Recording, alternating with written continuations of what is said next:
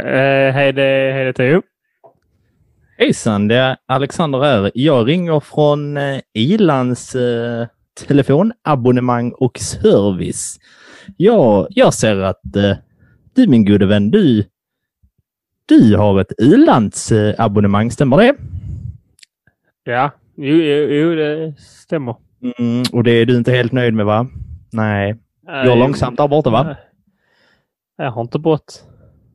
Nej, eh, då, du kanske tror det, men då är det så här att vi eh, här borta i, på service, eh, vi erbjuder dig ett kanonabonnemang så att du kan surfa lite snabbare.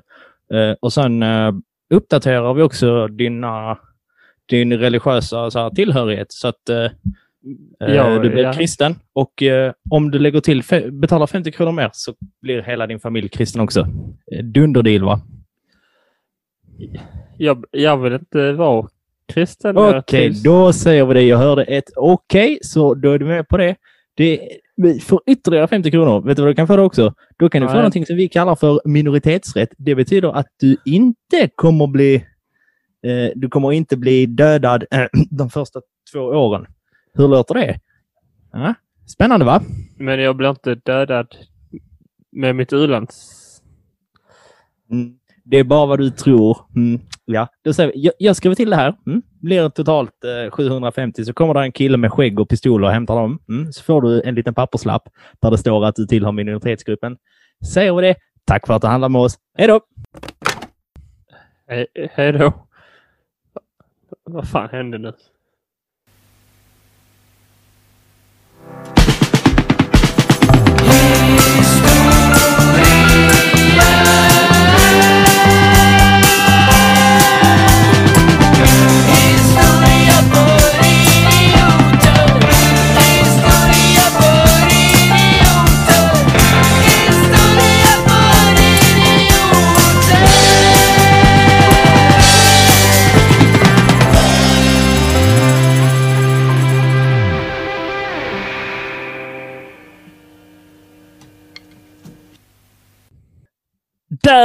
Klingar den fantastiska jinglen ut, gjord av Henrik Nyblom och jag, Teodor Olsson, hälsar er välkomna till Historia för idioter som jag har tillsammans med min vän Alexander Riedel. Hur är läget Hallå. Alexander? Läget Historia för är... idioter, skit hur du mår. Historia för idioter, alltså podden där vi pratar om, där vi pratar om historia på ett lättsamt och roligt sätt att ta upp massa sånt skojsigt skoj skoj som eh, kanske Skolverket har missat. Eller ja, som de absolut förmodligen garanterat har missat.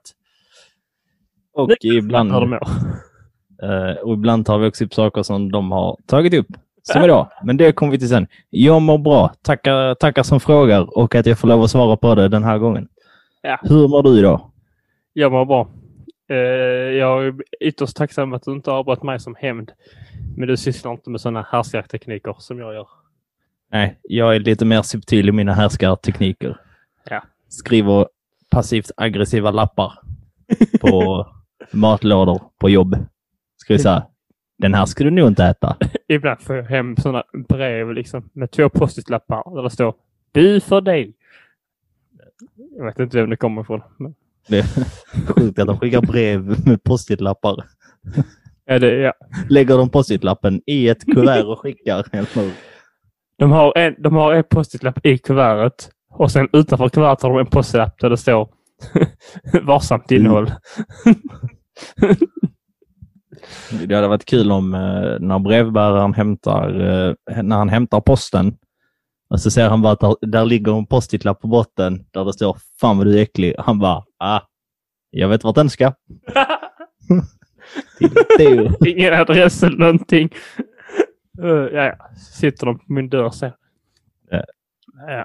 Ja, ja. Jo, men, tråkigt att folk uh, håller på på det viset faktiskt. I övrigt mår jag bra. Uh, lite grej, eller jag, jag tycker om, det jag tycker om med denna podden är att jag kan få uh, sitta i en timme och uh, låtsas att folk bryr sig om vad jag har att säga och gnälla över saker. Annars brukar jag bara gnälla över saker och då kan jag inte riktigt låtsas som att folk bryr sig, så då känns det bara löjligt. Uh, nu känns det lite mindre löjligt. Jag vill bara gnälla. Hallå, har du hört de här jävla uh, sådana här bil bil, bilisterna. De här biltolkarna äh. som då, men vi kan väl vara ute och åka lite bil över hela landet och så gör väl inget om vi festar. Så det är redan coronas eh, sånt, men lite så, man ska väl ändå få ha lite roligt. var ju deras. Kan inte, corona har redan hindrat så mycket. De behöver inte hindra oss för att ha, ha skoj. Vad det dumme. det är med det bara bilister som tänker så. Ja, men just, Inte tänker, oj vad vi har det skoj. nej, men de, de har haft massa sådana bilmyts i hela landet ju. Det, det, det, har, det, har, nog, det har jag nu missat. Ja, så de har massa Jag har inte haft internet på typ två veckor till. Nej, just det.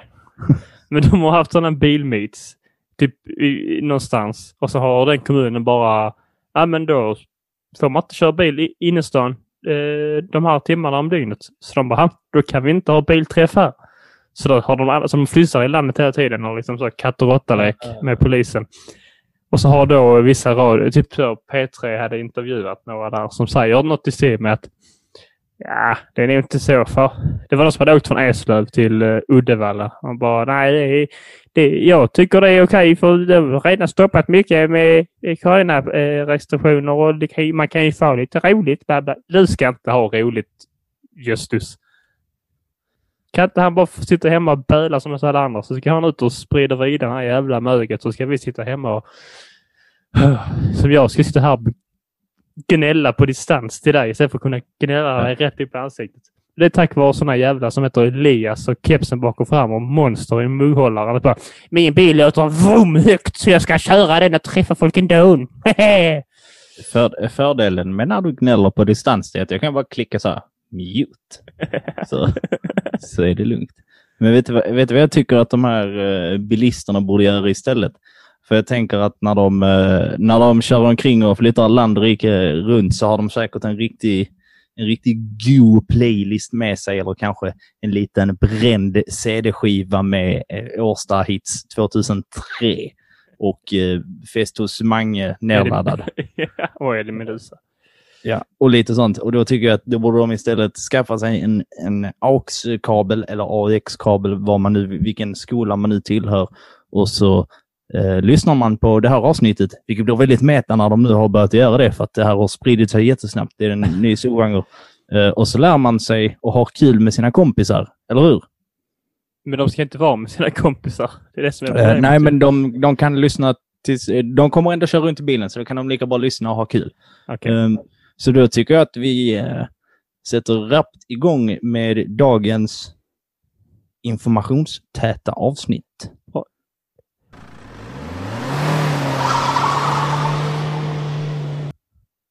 Så, där kom ett ljudeffekt. Där kom en ljudeffekt. Så nu vet ni att vi är igång. Är dagens ljudef- ljudeffekt vroom? Det är faktiskt inte, det är inte helt opassande. Eh, dagens avsnitt eh, har faktiskt tre lite, lite större punkter så att det blir ett sånt där längre övergripande avsnitt till skillnad från förra veckan när det var mer eh, fokuserat på en specifik händelse. Så idag ska vi prata lite om industrialismen. Wow! Och så lite nationalism. Wow! Och sen så också lite imperialism. Wow! Och önskefullt. ja, ja, Star Wars och sånt ja. Ja, precis. Eh, så då sätter vi väl igång. Får väl börja där den här lilla händelsen, eller händelserna tar fart i eh, Storbritannien på 1700-talet. De är tidigt ute med sina utvecklingar av agrarkul agrarkultur har de redan haft. Deras agrarteknik. Eh, så att man börjar utveckla maskiner för att kunna odla mycket, mycket bättre och mycket, mycket, mycket mer effektivt. Eh, för tack vare upplysningens ideal, när man skulle tänka, tänka, tänka, som du kommer ihåg Teo och våra kära, kära lyssnare, om man skulle uppfinna också, så har ju folk börjat effektivisera allt mer och uppfunnit allt mer. Så att vardagslivet har blivit ganska mycket enklare. Och flera fantastiska uppfinningar har ju börjat komma till. Kan du en sån här typisk eh, indu, kan du det Theo? Någon typisk industrialistisk uppfinning? Spinning Jenny. Korrekt. Det är väldigt typiskt. Boom! Ångmaskinen också. Ja. Mm. Ångmaskinen är ju eh, den är lite viktigare, även om spinning Jenny såklart också är, är viktig. Eh, men ångmaskinen gör ju egentligen eh, allting möjligt med ny typ av båtar och tåg och så vidare och de maskiner som kan klara annan form av belastning. Vill du veta någonting som är riktigt, riktigt sjukt? Mer än gärna. Det är, suttit här nu i två minuter och väntat på det. Det hade varit, det hade varit riktigt tråkigt om du sagt nej, gå vidare. det jag vill inte veta. Det var ganska kul också. Men, men rent krasst, eh, jag tror att vi kan ha nämnt detta i vårt antiken-avsnitt. Vilket eh, av dem? Och grekerna för att de först. Eh, men de uppfann typ en, alltså så här, de uppfann typ en ångmaskin som fungerar typ likadant. Bara det att de visste inte riktigt eh, vad, man skulle, vad man skulle ha den till.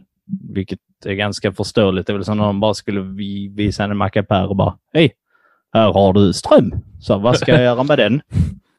Lista ut det du! Eh, så att rent, rent krasst så industrialismen hade kunnat hända innan Jesu födelse om man bara hade haft liksom rätt, Eller behov av det helt enkelt. ja, rätt, för, ja, alltså rätt behov och förutsättningar. Eller förutsättningarna hade de. De hade väl inte samma behov av att frakta och ta sig saker olika långt, olika snabbt. Som Jo, hade de? inte, inte lika mycket, men man bedrev ju handel mellan Jo, jo. Men länder okej. och städer. Så att de hade ju haft nytta av det. Rent krasst så hade ju de, man hade ju kunnat fortsätta på 1700-talet i samma takt. Bara, eller inte samma takt, men effektivisera det så att man hade ännu mer hästar. Men då blev det lite fiffigare med tåg. Det, det, är en, det är en Mm. rolig sån tankenöt att sitta och tänka på. Vad som Mm. hade hänt, alltså om industrialismen hade hänt typ 2000 år tidigare. Så vårt, vårt samhälle hade kunnat vara idag. För Nu ska krasst vi dela in i grupper och tänka på detta. Ja, gör vi sådana Zoom eh, breakout rooms. Lyssnarna. Sitter du där i varsitt själv och tänker en timme. Ja. Nu gör vi det. vi, ses, vi ses om 45 minuter. Glöm inte bensträck eller? Ja, gör vi det. Så. Japp. Hur, vi tillbaka. eh, var i året är vi med nu? Med? Uh, industria, eller den industriella revolutionen börjar i Storbritannien på 1700-talet och sen så Mm. kommer den till övriga Europa på 1800-talet. Så att vi är lite efter dem. Ja, ja. Kanon. Men det är ju som sagt, det tar lite tid för idéer att hinna fästa sig och spridas. Så att det är egentligen inte så konstigt. Det händer egentligen ganska... På tal ganska om idéer som har hunnit fästa sig och spridas och komma igång. Är det att ljug med i avsnittet? Det är vår idé som vi har fäst, men inte riktigt Ja. Där är ett, spridit eh, sig där till är, alla avsnitt. där är ett, eh, där är ett ljug i detta avsnitt. Bra. Ett Pang, ett En pangljud. riktigt pangljud. Ja, det är en ledtråd kanske. Vem vet? Då ska ni lyssna med mig försöka lista ut vad som är lju- ljuget här. Detta avsnittet. Glöm inte detta. Kan det vara att vi satt en timme och spånade? Kan det vara veckans ljug? Ja, kanske. Vem vet? Eh, Jag kommer inte fram till- någonting i vad som hade hänt. Man hade, jag vet inte. Vi hade kanske haft flygande bilar idag. Eh, varför är det... Det är alltid folks sån här första tanke. När man pratar om så här framtida mackapärer så är det flygande bilar. Varför, skulle vi, varför behöver vi det? Vi har, en sak som kan, vi har en sak som kan flyga och vi en sak som kan tas fram på marken. Eller typ mer än en. Men, Ja. ja, jag vet inte. Det är Jag roligt också nu, nu med sån här flygskam. så här, nej, jag ska ta så här, flyger du flygplan? Nej, nej, jag tar min flygbil till Gran Canaria. Jag bara, Men, ja, men det det jag tänker. Det hade ju fått, det enda hade gjort hade fått vardagliga fär, alltså, alltså, färdsträckor att gå snabbare. Men nu håller ju Elon Musk på att uh, hitta, uh, hitta på ju att man ska kunna resa via rymdskepp. Så det ska ta Han är- 45 minuter istället att flyga en resa som skulle tagit eh, 12 timmar. Att, Han är tokig han. Han, han hade varit en riktig industrialistman han. mm, det tror I jag alla också. fall. I alla fall. Eh, 1800-talets Elon Muskisar eh, hittar på massa saker. Däribland kanske en av de viktigaste uppfinningarna, speciellt idag, tvål.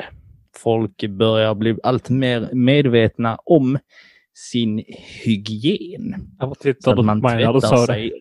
Vad sa du? Varför tittar du på mig när du sa det? För att vi pratar med varandra. Okej, man tvättar sig mer.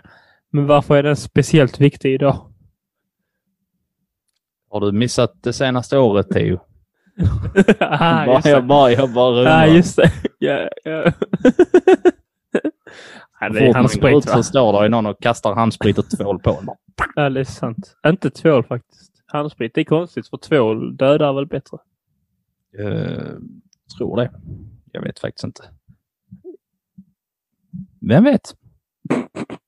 Vem ja, vet? ja, men okej. men det är... Eh, på... Det är mycket stor eh, eh, framväxt av tvålanvändning då nu under 1700-talets England. Ja. Eh, precis. Och vad händer då? Om vi då tänker att folk lever ett mer hygieniskt liv och det finns massa, massa, massa mer mat. Man lever längre. Man lever längre, men man fortsätter skapa lika många barn. Mm. Vad händer då? Folkmängden ökar. Den ökar och den ökar duktigt. Eh, Befolkningsmängden i Europa ökar från 180 miljoner till 400 miljoner. Jävlar. Jo, Satan in det gatan. Jo, det är väl klart. Om alla de pökar och får vars två barn. Det blir ju inte riktigt var... Ja. ja, men vars två barn så blir det ju rätt så. Så dör ingen av dem. Det, är, det är kanon hur matematik fungerar. Va? yes. Mathematics is fun. I know it. Lots of big brain time. Eh, I alla fall. Befolkningsmängden ökar, men samtidigt så har ju att vara bonde har blivit ett ganska så tacksamt och enkelt yrke eftersom att man behöver inte längre ha massa drängar som gör det tunga arbetet åt en, utan där finns eh, maskiner och uppfinningar som gör det avsevärt mycket enklare, vilket gör att folk kan inte jobba som bönder längre. Och vad vi har lärt oss i typ alla våra avsnitt, känns som vi bara pratar om bönder hela tiden. Bönder och kyrkan. Bönder och kyrkor. Välkommen till Bonde och kyrkopodden.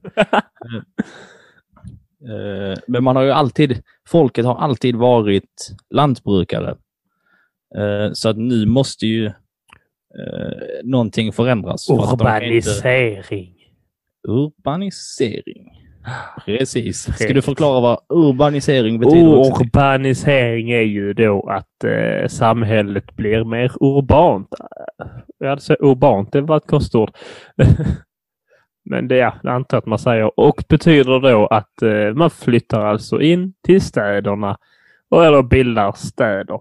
Det kan ni se olika tecken på. Till exempel ute i landsbygden här i Skåne till exempel. Kan man se. Det finns olika torp lite överallt eh, som står tomma. Ibland skit, säljs skitbilligt. Jo, de är flera hundra år gamla. Men de, de bor inte kvar där. Det fanns ingen nytta för det. De flyttade in. Det är en del av eh, ett geografiskt flöde faktiskt. Har jag fått lära mig. Fick ni, fick ni det på ett hörn också? Men man flyttar in till städerna helt enkelt. Det är väl den lättaste förklaringen eller? Det är den lättaste förklaringen. Det, det är det ordet betyder. Mm. Så det tackar vi ödmjukt för. Teos ordkunskap. Kryssa av den här i mitt bingo. Eh, ja, men eh, städerna, för det har, det har såklart funnits städer eh, tidigare, det är inget nytt påfund i sig, men städerna tvingas bli allt eh, större och större och sen så passar de även på att bli lite högre och högre. Mm. Och jag, jag vet att större oftast också innebär högre, men det kan vara värt att påpeka att det är både alltså det rör sig både om kvadrat, Det handlar ju om att det blir, kilometer och liksom... det blir fler höjden. människor. Det, men, alltså det ökar ju med boende, men boendeytan ökar inte. Ja, precis. Annars, annars, slutar, annars blir det ju ingen urbanisering. Eh, och då, då kan man ju säkert tänka att nu när vi har pratat om det finns massa mat, finns massa tvål. Wow! Och nu får man stadsliv, så här, uteliv Satan, varje ja. dag. Ståhejet. Ståhejet. Eh, men rent krasst, jag tror att om, bortsett från typ pestens tid, så känns det här som ett av de sämsta tillfällena att leva på. För det, typ alla lever i total misär i städerna. För att även om, även om det är väldigt många, befolkningsmängden ökar, men det är fortfarande väldigt, alltså snuskigt många eh, som dör. Eh, Blir du alltså 42, då anses du vara en gammal människa. Det är typ så här. och- Kan det, kan det bero på att man inte till exempel Alltså istället för att dela utedass på din familj delar du utedass med 27 familjer. Till exempel. Typ. Och så skjuttar du ut Potta genom rutan och så bara oj, där gick Kalle. Nu fick han karies och baktus. Och så dog han. Mm. i Bara unga eh, 19. Lite, lite så. Ja, 19, 20 var ju medelåldern. Just det. Ja, men då har han levt ett bra liv. Så fan. Du, du hade ju börjat närma dig pension på 1800-talet. Ändå Eh, trevligt. Ja, ja. Där, är- Jag där, känner mig rätt färdig faktiskt. Där, där har man tid att åka och hitta sig själv i Asien. Nej, men det är sk- skämt. Va, vad var deras åka hitta i Asien? När de fyllde nio? Vad gjorde Jag- de då? jag- Eh, jobbade. Ah, nej, Eh, de fick Det inte var, hitta sig med. efter- eftersom att väldigt... Eh, eftersom att tidigare så hade folk bara jobbat med lantbruk så öppnades en ny, eh, mar- eller, ny marknad eh, för jobb, vilket är liksom så här eh, fabriksjobben och massproducering, vilket behövs eh, för att nu när folket eh, lever i städerna så behöver de en helt ny typ av eh, resurser eh, för att kunna klara sig och saker ska byggas. Man ska, ja, jag vet inte vad mer man ska göra. Saker ska byggas. Det, det är det man, det är det Saker man ska byggas. Ja, men de behövs ju för att... Eh, Ja. Ja. Rullande bandet skapas det nu.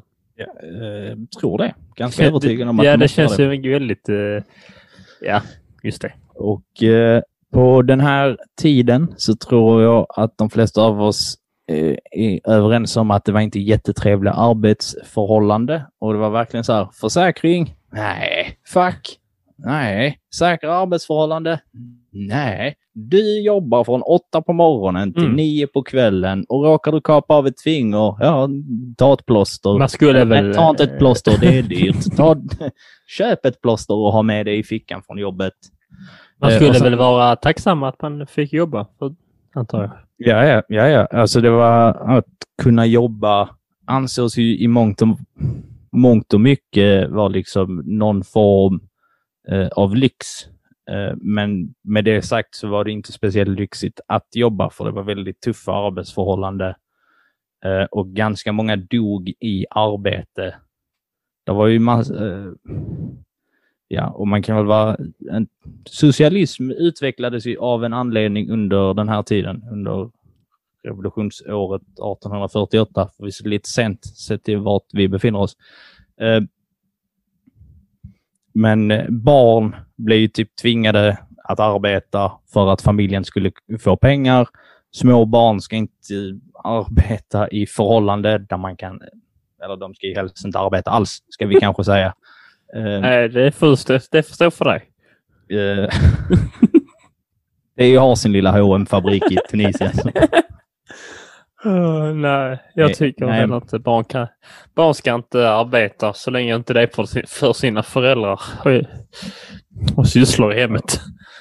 Ja, så att det var eh, mer eller mindre på det viset att om du klagade på ditt arbete till chefen, det var han så här, äh, hej då. Så här, då får du sparken för att det är liksom 10 000 till i den här stan som behöver ett jobb. Så att det var liksom inget det var inget val. Fick du ett jobb så var det bara att gå dit och se glad ut för att har du inget jobb så kommer du svälta ihjäl. Lose, lose. Ja, Eh, och, det låter ju på ett sätt, eller på många sätt så låter det ju fruktansvärt. Men det låter så lite befriande i att man inte har... Ja men, ja ja, alltså. Nu är kanske i början här av den här eh, industrialiseringen så kanske inte det är så befriande att man, kan, man får liksom uppgifter utan som helst eh, ja, med stöd från facket etc. Men man har inget val. Då kan vara befriande att inte ha val. Då var det så, jag, jag måste gå dit. Och så går jag dit. Och så gör jag det bästa av det. För jag har inget annat val. Det kan vara en befrielse. Ja, det, som sagt, Teo är ju lite inne på något, något spår här. Eh, men jag, jag tror vi lämnar ditt spår där och pratar lite mer om det tråkiga livet i, i stan. Eh, städerna var smutsiga och fyllda med skit och inte bara som i smuts utan som i faktisk avföring. Eh, vilket ledde till, det här är ganska, så här, det är roligt att tänka på men det är också ytterst, ytterst tragiskt. Alltså att folk typ alltså, gick verkligen och halkade omkring i avföring i städerna. Och det är så sanslöst äckligt. Men det är också lite, om man, om man tycker om toaletthumor så är det ganska roligt. Men det var ju svårt och eh, alltså folk eh, fick ju ha alltså skor med liksom så här enorm klack för att så slippa så här, traska omkring i Mhm. avföringen. Och eh, när jag läste på inför, eller när jag skrev det lilla poddmanuset, så fick jag även lära mig den, den här fantastiska, nej det är inte alls fantastiskt, det är ganska tragiskt. Eh, Men när folk skulle flytta, för att det hände i och med att familjerna blev större, så till slut blev det ohållbart att bo i en liten lägenhet med typ 12 barn. Eh, Så då fick man flytta och då fick man skaffa såna häst och eh, vagn och så fick man lasta alla grejer på vagnen såklart. Och då var det gan eh, en ganska svår operation för att hästen hade också svårt att gå avföringen. Så hade man riktig otur så ja, halka hästen med alla hennes grejer så de gick sönder. Fan. Och halka hästen så var folk snabba på att komma och snatta deras grejer. Ja, det är klart. Riktigt otrevligt. Ja, jag Och bor folk på gatan och så ska de flytta med sina tolv jävla ungar. Så alla har var sin potta och så Ja, det är. står de på gatan och skiter i deras andras skit. Klart de ska roffa åt sig då. Eh, och sen, det här är ytterst tragiskt, men hästar var typ så slutkörda i städerna och det var så tungt att dra på. Så att det kunde typ hända att när du hade hyrt din häst så kunde hästen dö mitt, alltså mitt under flytten. Fan, och så har, har man inte skrivit på något avtal att man får pengar tillbaka. Man har inte skrivit på någon försäkring heller. Helvete. Mm. Man, kan inte, ringa- man kan inte ringa till hästhyrningsbåset och säga den bara la av. Jag körde så vanligt, den bara la av.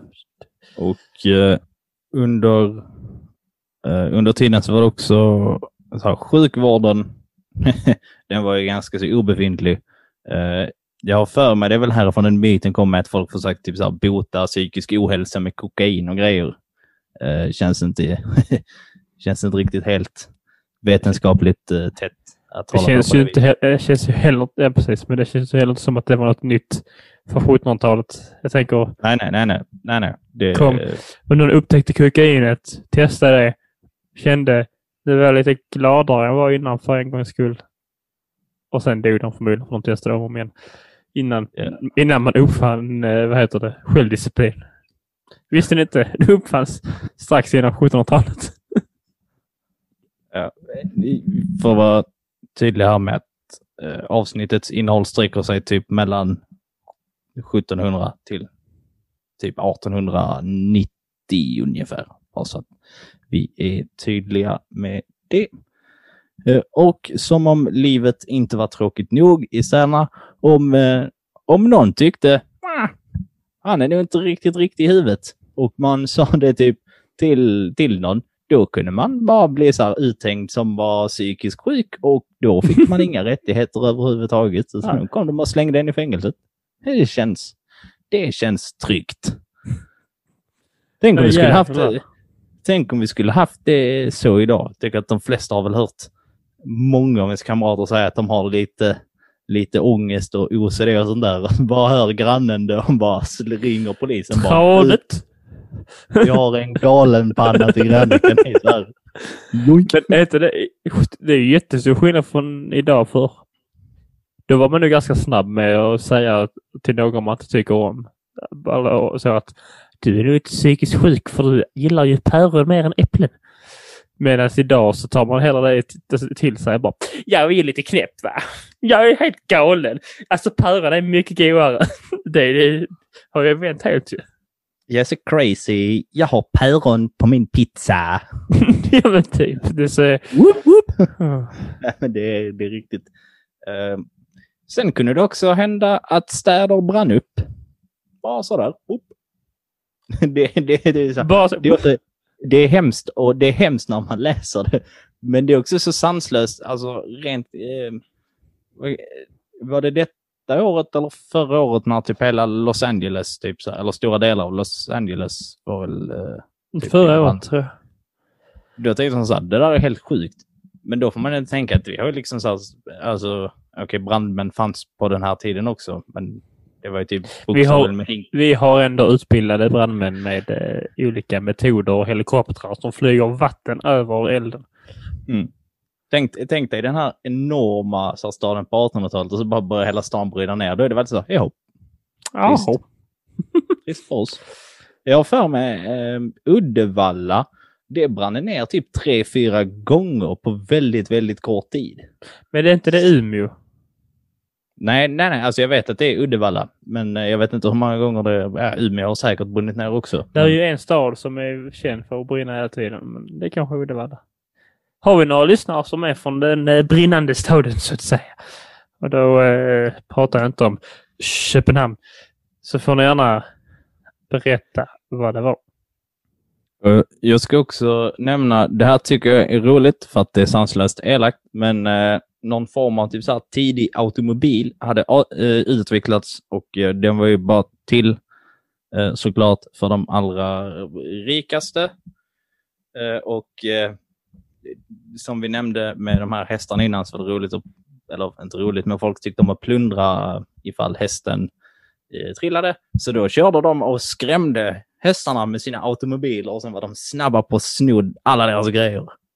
Det är ondskefullt så det stänker om det. Det Men- ja. Usch. Usch på dem. Jag tycker att vi rör oss vidare ifrån vad industrialismen var och eh, hur en sådan stad såg ut och eh, pratar lite mer om eh, konsekvenserna av det. Om du inte har något annat att säga. Nej, jag har inte mycket att säga som ni kanske har märkt. Så ska vi prata om konsekvenser? Det har jag erfarenhet av.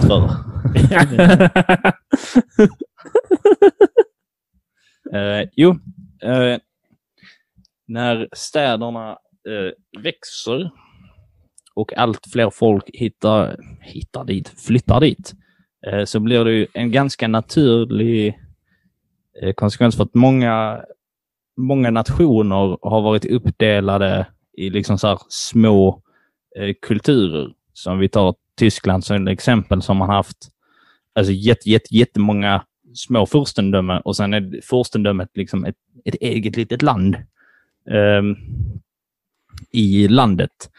Eh, så då kunde det vara typ så att, ja men i, i Kågeröd är vi katoliker och Men sen ha, har inte Tyskland det nu egentligen också? Jo, men det är som våra landskap eller som USAs stater. Alltså Det är det är snarare- förbundsstater. Ja, Men det nu var det så verkligen typ så här att en, en by eller liten stad, de gör sin grej och sen så gör grannstaden Okej. någon annan. Det, är ingen gemensam röd tråd. Det är bara att de har... De bara bor typ i samma stora geografiska område, Mm. men de hänger inte med varandra. Eh, så eh, det är ju lite problematiskt då när alla de ska tvingas att flytta ihop till en stad. För att då har ju alla, alla sin egen lilla kulturella identitet. Och det blir lite grann problematiskt för att folk tycker inte om andra med andra kulturella identiteter. Men vi kommer mer in på det senare. Wow. Spännande, va? Lite cliffhangers. Det är det jag gillar i den här podden. Säg att vi ska komma in på någonting senare och sen gör vi inte det. När är senare? Det är som är grejen. Det kan ju vara, är det om tre avsnitt? Är det nästa år? Är om en kvart? Ja, det vet man inte. Men vi ska prata om lite kulturkrockar någon, någon gång i alla fall. Så enkelt är. Någon gång. Jag är inte, jag är inte riktigt kulturkockare, men eh, det som eh, vi pratade om i förra avsnittet, franska revolutionen. Eh, revolutioner har ju skett på olika ställen runt om i världen och folket har i takt med liberalismens tankar och idéer börjat inse att det finns ett annat sätt att styra ett samhälle på och man har också lärt sig med lite historiemedvetenhet att om, om kungen inte så, om kungen inte gör som vi vill, då kan vi bara starta revolution. Hoppsan! Hoppsan Ganska, så! ganska, ganska fiffigt eh, S att ha i rockärmen.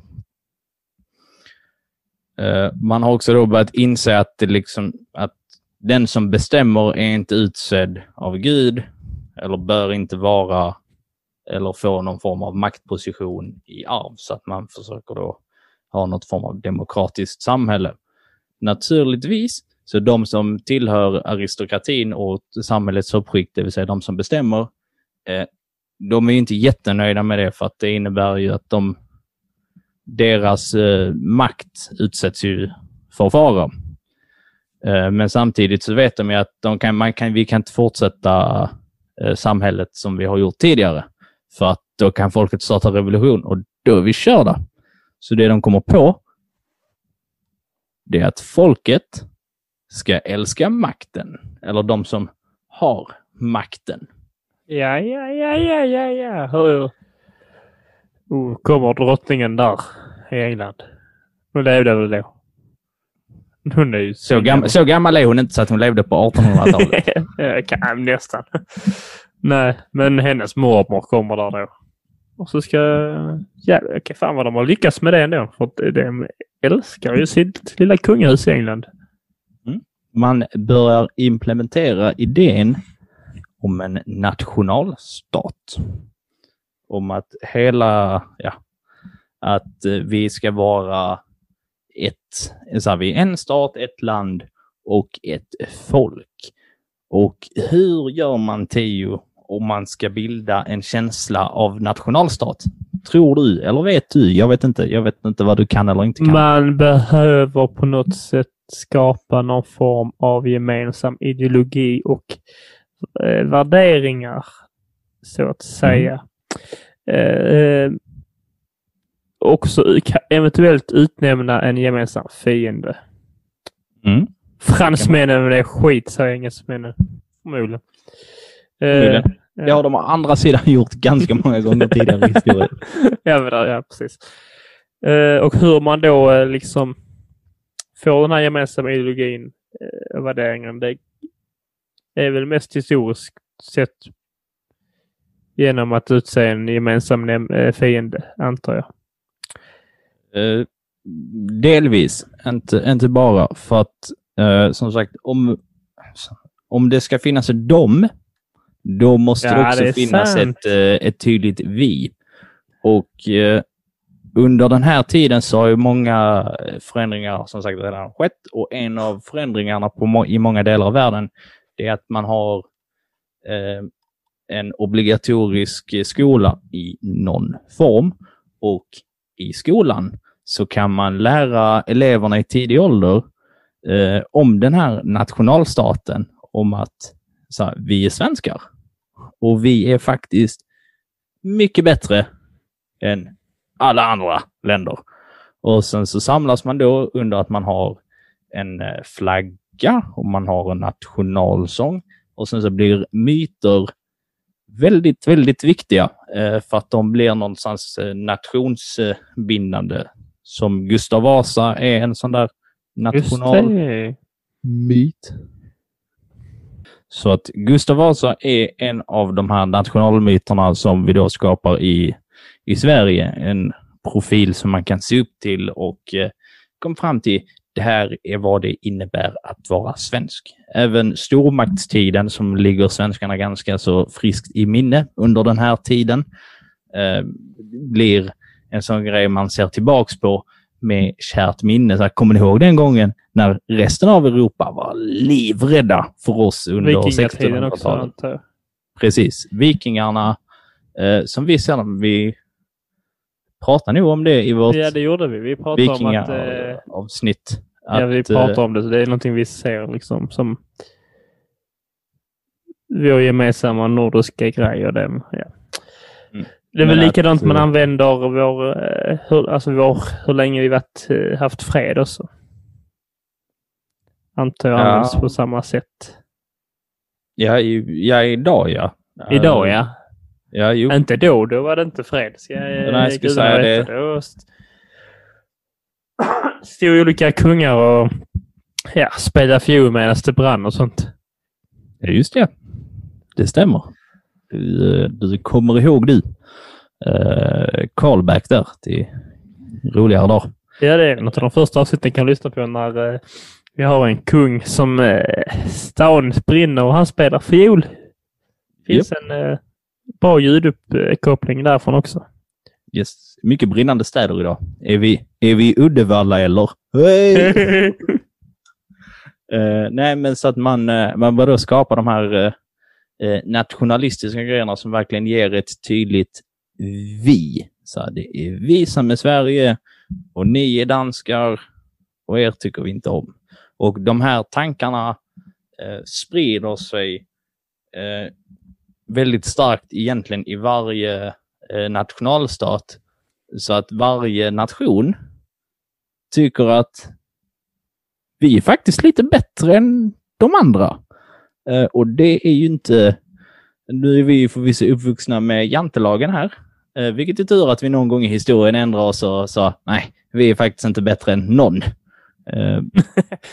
Men Alla- alla andra... Det sa Alla vi andra- inte, men Nej, men ungefär.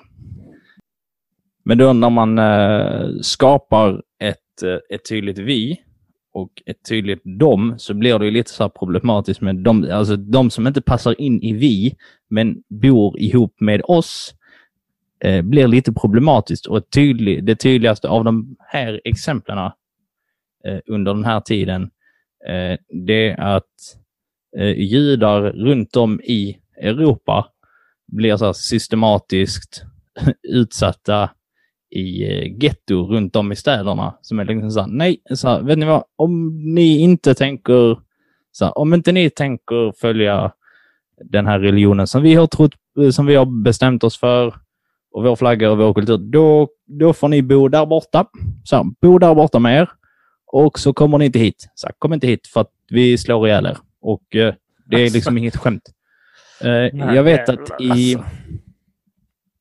i eh, Berlin under 1800-talet, där har jag faktiskt läst på ett museum i eh, Berlin. Eh, väldigt fint. I skryt. alla fall. Ja, skryt, skryt, skryt. Ehm, om att ehm, man hade liksom så ett bestämt antal över hur många liksom så här från var minoritetsgrupp eh, det fick finnas i stan. Så det Oj, kunde vara jäklar. typ så att det får finnas eh, 2000 judar och sen så får det finnas 1000 så muslimer och sen så typ 500 övriga. Och när den gränsen är passerad, då dödar vi några. Så att vi kommer ner på den gränsen igen. Alltså så här, eller så kunde det komma någon form av eh, alltså så här, polis och så bara slängde de ut folk från staden. Bara, sup, så. Nu är allt bra igen. Eh, så det är ju en nackdel med, med hela den här händelsen. Eh, ja. Det kan vi ju ha lite... Är kyrkan inblandad här igen eller? Nej, jag tror inte att det är så mycket kyrkan som ligger bakom det. Ah. Utan det är Eh. snarare är det då ideologin om att eh, vi är bäst och eh, ingen, ingen annan eh, är som vi. Eh, ja. Och, och oftast för att den här ingår i den här vi-känslan så var man då kristen. ja. Bero, såklart beroende på... eh, Men i, i Europa så men var man I kristen. Europa så är man oftast kristen. Mm. Eh, vi kan röra oss lite vidare och för det finns ju ett tydligt exempel på hur det här fungerar i praktiken. Och det är då den, eh, jag skulle säga den glade, men han är inte glad. Han ser lite sur ut. Eh, Otto von Bismarck. Eh, också eh, tysk. Eh, han enar ju hela Tyskland till eh, ett eh, faktiskt ganska så mäktigt eh, rike för tiden. Eh, för att då hade man, eh, de var, som vi pratade om innan, de var väldigt, väldigt uppdelade. Och han var väldigt konservativ och tyckte att eh, så här, folket ska inte ha några rättigheter så därför måste vi se till så att de blir nationalister. Och ska de bli nationalister så måste vi ena alla. Och detta gör han eh, med hjälp av tre stycken krig. Så först ett mot Danmark, som han vinner. Och sen ett mot Österrike, som han vinner. Och sen ett mot Frankrike, som han vinner. Och sen har Tyskland fått jättemycket mark eh, i de här områdena. Men Mm. de områdena är, är sedan innan tysktalande eh, områden. Så att de är inte jättesvårövertalade till så här, Ej, kom och var med oss för att vi pratar också tyska. Eftersom att språk har, är en av de här enande eh, funktionerna. Eh, tillsammans, alltså som då är viktiga i nationalbyggandet. Så uh, Nederländerna och Österrike till exempel. Alltså Nederländerna och Österrike. Ja, det är väl sån, exempel på sådana territorium som de bara... "Meh." Eller? Jag förstår inte vad du menar med vem. vem du gör... sa ju att han hade krigat då och då fått, Ja. fått med till exempel Frankrike och fått då mer land. Och då Ja. antar jag då att delar av de här länderna han har fått... Okej, Österrike fanns ju uppenbarligen, men där är ändå... Det var ju exempel på de här länderna där man pratar språk. Likt tyska som Österrike. Sen holländska vet jag inte ens vad det är likt. Men det låter ju verkligen som en blandning mellan tyska och franska. Men Holland var inte inblandad här. Hur fan klarar de sig? De är fan mitt, i, mitt emellan nu. Tur. Den fanns kanske inte. Nej, fanns inte. Jo, den fanns. Uh, ja. Nej. Jag Jag, jag, eh, jag försöker lära Alex hur det är och han ska ju bli lärare. Och då får man kanske dumma frågor. Och, eh, Nej, jag hängde mest bara inte med. Men eh, och när man är det får man kanske dumma lärare. Och, det får man. Så vi skulle bara öva. Det var bara en liten teoretisk övning här. Nu lämnar vi det. Ja, ja, men varför gör han detta då? Ut- Otto från Boråsen. Utifrån Bismarck. Bismarck. Det var ännu närmare jag trodde. Det så här, han, gör, han gör detta för att han ska ena ett eh, tyskt folk och då ska tyskarna alla tycka om Tyskland och tycker alla om Tyskland så kommer de inte vilja göra uppror eller revolution för att då förstör de för det Tyskland som de tycker så mycket om. Just det. Just det. Just det. Så det, det där är väldigt, väldigt kort och gott. Kort och gott. Ja, det blir det. Kort om vad Bismarck eh, gjorde för någonting. Eh, byggde Tyskland med järn, svett och eh, tårar, som man brukar säga. Nej, järn, blod och tårar, tror jag. Han byggde Tyskland. Det kan vi vara enade om.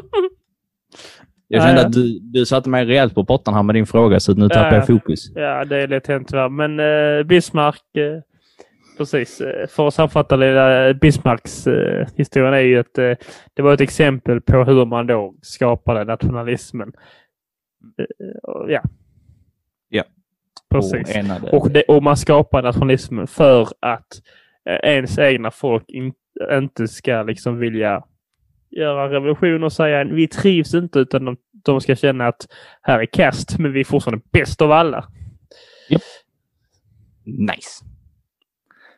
Detta leder oss då in på den tredje lilla så här, programpunkten som då är imperialism. Eh, för att alla dessa tre punkterna eh, hör ju ihop med varandra och de kommer ju såklart utifrån, eller de blir ju konsekvenser till varandra. För att städerna, de hade ju blivit allt större och de krävde otroligt mycket naturresurser. Och folket, även om de inte hade det så soft, så ville man ju ändå ha de bästa naturtillgångarna. Och de bästa naturtillgångarna var ju nödvändiga för att man skulle kunna leva och sen fortsätta utvecklas. Så vad gör man då?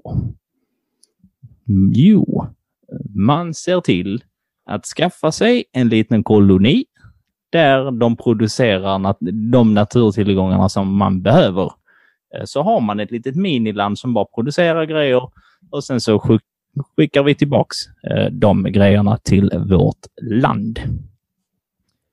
Jo, ganska simpelt. Ja, ganska såklart väldigt simpelt. Ganska simpelt. Men ja, den, största, alltså den största anledningen till imperialismen är att man behöver alltså bum, bummel, bummel, gummi och sen så vill man ha elfenben för att det är ganska lyxigt med elfenben. Typ till pianotangenter användes det ganska mycket som totalt onödigt. Eh, igen, alltså det är ingenting som behövs, men när man ändå håller på, varför inte ta allt? Eh, antar jag att de... Vi nämnde ju till exempel muskotens eh, lilla ön Run i Filippinerna som eh, England till exempel stal till sig. Nej, jo, precis. Stal till sig. Bytte, nej, bytte ifrån sig till exempel. Så är det. Så För kan att, det mycket väl vara. eh, få New York. Så att säga. I, ja, precis. Det är, klingar en bekant klockan nu när du säger det. Eh, Men man börjar alltså, eh, ja, som du, eh, man tänker att eh, ja, vi- vi vill ju ha mer saker. Var finns sakerna? Ah, där. Då åker vi dit och tar över stället där sakerna finns. och eh, till råg, eller det som egentligen eh, möjliggör att man kan göra det för att såklart med, med våra moderna öron eh, så tänker man så här, men inled något form av liksom så här, så här, handla med varandra. Och rent krasst så kan vi tycka att det borde de också ha insett för uppenbarligen så har man eh, eftersom man lyckas skapa nationalmyterna så har man också koll på sin egna historia något sånt Och då bör man också ha någon form av kunskap om handel eh, med övriga delar av världen. Och ska man eh, vara rent krasst så borde de ju ha så här, ja, men vi startar ett, så här, eh, ett nytt handelsförbund tillsammans med er så att ni kommer med lite bomull och gummi och så får ni lite pengar. Men Det är ju inte lika effektivt. Va? det hade säkert varit effektivt.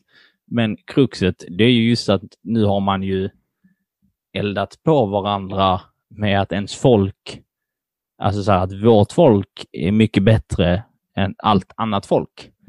Så samtidigt som typ eh, England och Frankrike, Tyskland och Belgien som är de största eh, faktorerna inom, eller aktörerna inom imperialismen, samtidigt som då de har liksom eggat på varandra om att säga vi är bäst. Nej, vi är faktiskt bäst. Och sen så kommer den tredje bara, nej, vi är bäst. Eh, Då vill man också visa det eh, genom att ta, alltså att man ska ha, man ska ha det bäst helt enkelt. Så att man ska ha så mycket naturtillgångar som möjligt. Och det omöjliggör ju egentligen någon form av eh, affärsmöjlighet som är schysst på alla parter. Och sen har man ju också en eh, total brist på respekt för eh, människoliv och andra kulturer. För att man kan ju tänka lite själv att när de har utvecklats teknologiskt, får komma ihåg att under 1800-talet så är Europa och USA så sanslöst långt före alla andra vad gäller teknologi. Så att erövra ett land i Afrika är liksom inte svårt. Det, det liksom, du, Mm. så att en, med ett gevär kan du så säkert skjuta ner 10-20 stycken som har pinnar och spjut att uh, kastas med. Så att det är en ganska enkel militär eh, operation. Samtidigt då när man har den där med sig i huvudet att nej, vi är mer, så här, vi är bättre än er. Vi är mer värda, så ge oss grejer eller dö. Eh, och eh, det var det de gjorde. Det var inte Spanien. Du nämnde Belgien, Frankrike, Tyskland och England. Men var inte Spanien också? Väldigt... De, är väl, de har väl egentligen haft sin beskärda del av eh, kolonier i Sydamerika. Just så det. att de, är, inte- de är inte... De är, känner sig färdiga. De är lite klara. De har inte riktigt samma förutsättningar som de andra. Eh, Men sen har man ju såklart som eh, många andra, man har också svepskäl för att göra kolonier. Genom att man ska ju såklart vara snälla vid de stackars människorna i Afrika. Så att eh, de menar, eh, många menar på att vi åker dit för att vi ska sprida kristendomen. Vi ska så här, vi vill dem, vi vill dem gott. Just det. Eh, Så då tvingar man dem till att bli kristna och, och det är ju ganska hemskt, kan jag tycka. Det känns ju lite onödigt. Men ja, det var, de trodde ju att det var så. De, de gick ju dit och tänkte att är de inte kristna så kommer de ju brinna i helvetet. Ja. Så tänkte de, var kristna så de inte brinner så trodde de att de var snälla. Ja, där finns även en, eh, en fras som kommer under den här tiden. eh, Som heter Den vita mannens börda, som jag tror kommer ifrån en dikt som är skri skriven av Kipling. Samma Kipling som skrev eh, Djungelboken för övrigt. Åh fan. Eh, som då syftade till att det var liksom det var synd om den vite mannen som var tvungen att Alltså att han var tvungen att åka ända till Afrika för att lära dem liksom så kristendomen och uppföra sig som ett civiliserat eh, folk. Tackar.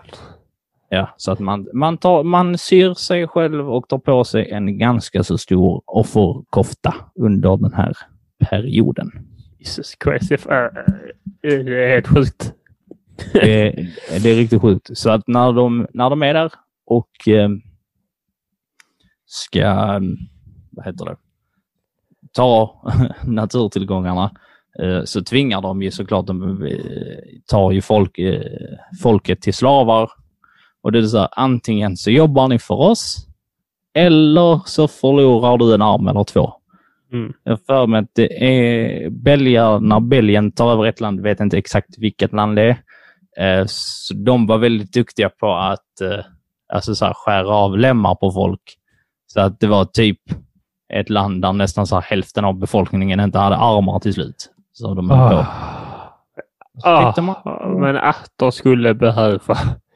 Eh, och så torterade man eh, folk och så här, brände och våldtog och hade sig. Så det är en ytterst mörk eh, period såklart. Eh, och sen eh, kommer vi ännu värre, eller eh, det är nog värre att bli halshuggen av med armar och ben. Men mellan i december 1884 till början på januari 1885 så har vår gode vän Bismarck ett möte i Berlin som kallas Berlinmötet. Tror jag bara det heter. Oh, creative. Ooh, creative. Nej, man brukar nog säga något annat. Jag brukar säga Berlinkongressen, men jag har för mig att det inte heter så egentligen. Jag vill bara ha det sagt att... Så att ingen behöver skriva hotbrev till mig, jag vet. Nej, just det. Eh, men han samlar då de övriga eh, statsöverhuvudena i Europas stormakter. Och för att han vill, eh, han inser att det är dumt om vi stormakter börjar bråka med varandra om den här marken och naturtillgångarna. Så att vi ses och sen så delar vi upp det fair and square. Så då tar man en karta över Afrika och sen så börjar man då rita upp eh, eh nationsgränserna med linjal. Och sen så säger man att du får den här biten och du får den här biten, så tar jag den där biten, så tar du den biten. Ah. Eh, och De man eh, kommer- hanterar alltså Afrika som ett eh, som matematikproblem. I, om det, Otto har fyra länder i Afrika av 49, hur mycket ska Lasse, Pelle och Nisse ha? Typ exakt så faktiskt.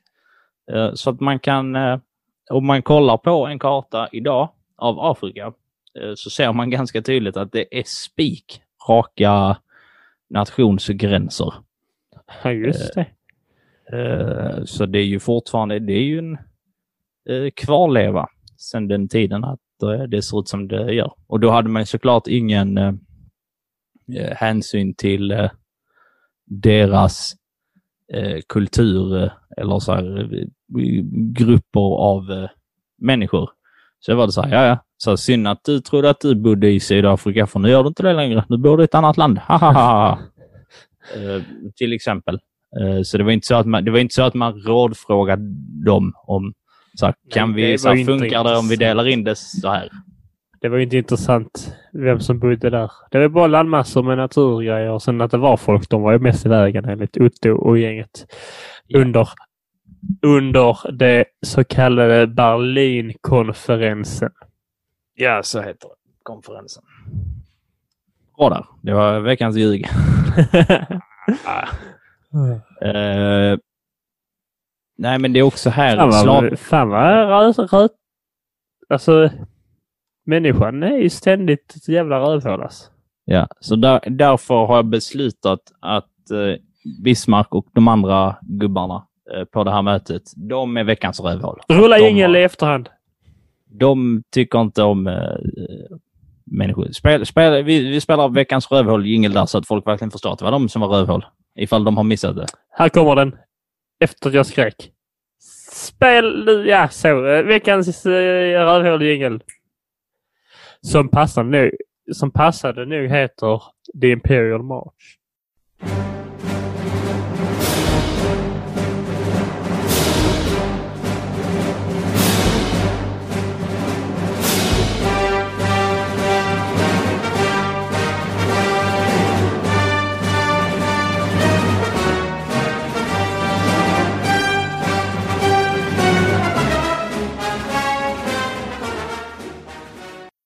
Det är väldigt passande faktiskt. Eh, det är också under den här tiden som eh, slavhandeln pågår. Eller slavhandel har ju alltid pågått i olika epoker. Det är på det viset inget nytt. Eh, men här pågår det kanske lite mer extra. Om man säger så. Värt att nämna. Det här är, jag lärde mig detta förra året. Och jag tycker fortfarande att det är så sinnessjukt. Hör och häpna. Är du beredd på att höra och häpna, Theo? Hör och häpna på någonting du lärt dig förra året. Ja, känner du eh, till landet Liberien? Liber Eller Liberia? Liber Liber ja, det tror jag gör. Ja. eh, vet du om att det landet heter så på grund av att det var dit USA skickade fria slavar? Så att slavar som... ja, att det, är liksom så här, det är en översättning på liber, Liberty så att de skickar Liberia. tillbaks. eh, Ja. Eh, Men då struntade de i så här, fast jag kom inte från den delen av Afrika när jag kom hit. Och så bara, nej, nej, ni ska dit. Där bor ni. Eh, Så om man kollar på deras flagga idag så ser man att den är... Eh, den ser ut som USAs fast utan det där blåa eh, hörnet. Där stjärnorna är. Den har, eh, det är ju, den har ett hörn. Ett, en stjärna med i Ja. blått hörn. Mm. Ah, Jesus Christ.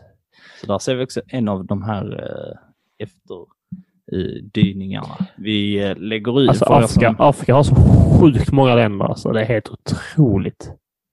Ja. Och som du sa så är det ju, jag vill lägga ut en Afrikakarta för er som inte kan googla. Eh, så att säga. Ja, ja, det är Men- intressant. Yes. Så att eh, slavhandeln är ju som sagt också en eh, efterdyning av eh, hela imperialismen. Men jag tycker att vi kan gå in på veckans hjälte på tal om slavhandeln.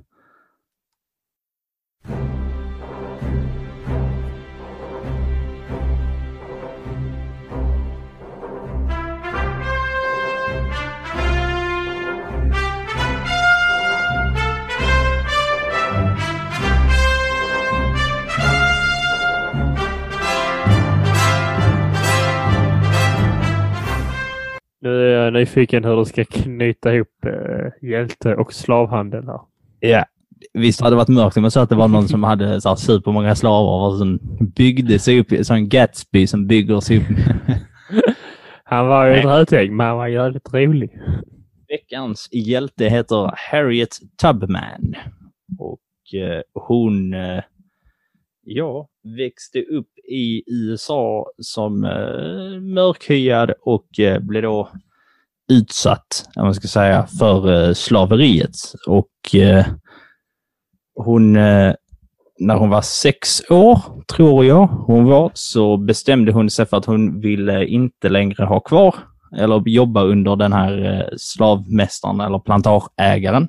Så att hon bestämde sig för att fly till en annan. Eh, och eh, där flyr hon, får lite piskrapp och ett, ett slag mot huvudet. Bland annat som gör att hon resten av livet kommer att li- lida av eh, svår epilepsi Mm. och sömnproblem. Ganska hemskt.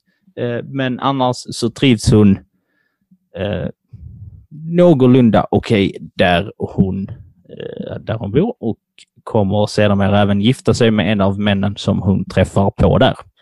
Eh, Men en dag så råkar hon höra att eh, den här plantageägaren planerar att eh, sälja dem och skicka iväg dem. Och detta vill hon inte. Av förståeliga skäl, eh, såklart. Så att hon bestämmer sig då för att fly. Och när hon flyr så får hon hjälp av eh, kväkare, som det heter, även kända som Vännernas eh, samfund, som då eh, hjälper eh, slavar. Och de här håller till i eh, med de här underjordiska eh, gångarna och eh, med tågrälsar och sånt där som fanns i eh, USA dit folk eh, kunde fly.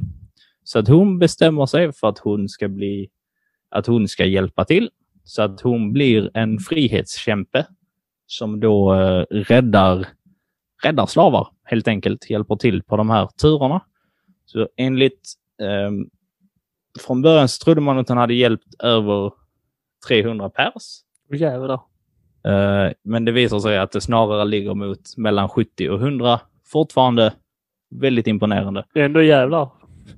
Och sen så finns det också en myt om att eh, hon ska, de här som hjälpte till, eh, kallades för eh, konduktörer eh, och eh, de fick eh, såna här prisstämplar eh, på sig. Vad det, bounties. Jag vet inte hur vi översätter det till svenska riktigt. Just det. Eh, fan, jag...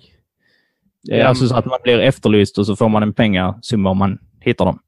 Eh, Så att det sägs att hon ska ha varit den dyraste eh, eh, sån att hitta, eller den med högst prissumma på sitt huvud, på ungefär 40 000 dollar. Eh, men det var dock en amerikansk historiker som är expert på hennes liv som har sagt att det inte stämmer. Där finns förmodligen någon form av sanning i det hela, men några exakta siffror verkar inte finnas. Under det amerikanska inbördeskriget mellan nordstaterna och sydstaterna så arbetade hon som kock och sjuksköterska och hör och häpna, även som spion. Det gillar vi i den här podden. Vi gillar ju eh, spionage. Och efter eh, krigen så fortsatte hon med sin frihetskamp och hon skrev även en biografi om sitt liv, vilket är ganska imponerande. Så under slutet på... Att, det- ja, det är ju Ja. det är inte så 1900-talet. vanligt att... Det är ju imponerande att hon lärt sig skriva också. Alltså Ja. bara det. Och, ja, eller så kan hon berättat sin historia för någon som har skrivit den. Men Så jag vet, inte, jag vet faktiskt inte eh, hur det var. Så att jag utesluter inget av dem. Så båda. kan det vara.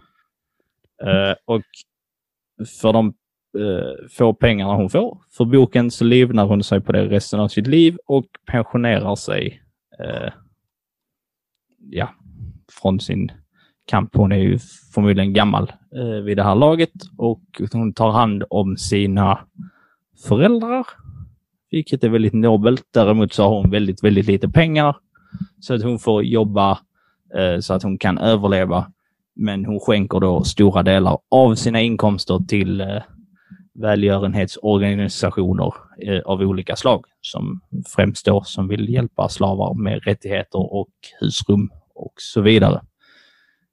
Vilken veckans hjälte vi har grävt fram ändå. Det är otroligt. Hon var rätt fantastisk. Ja. Eh, sen tror jag du ljög när hon sa att hon var, var spion.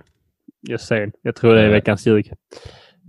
Där tror du fel. Men eh, vi Eh. älskar ju spioner i den här podden så det är inte så konstigt. Alex, eh, jag tror Alex är spion också. Han sitter, Yes. här, jag sitter just nu och smsar till eh, Petra Historia och säger Detta har vi pratat om. Ni kan inte prata om detta nu. Jag vet inte. Typ så. Hon var ju Eh. fantastisk till skillnad från de här jävla rige vita männen som samlas i Berlin och tror och bestämmer över folks öden.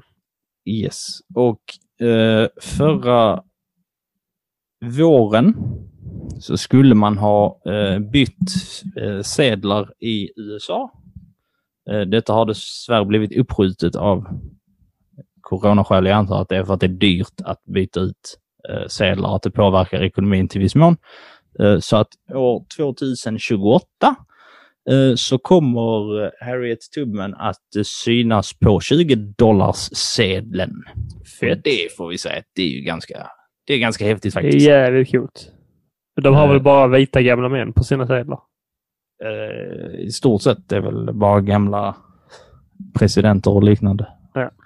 Eh, Så därför tyckte jag att eh, vi, vi kunde avrunda veckans långa innehållsrika avsnitt och lite dystra avsnitt med en liten solskenshistoria så att folk inte blir alltför ledsna här när de lyssnar på oss.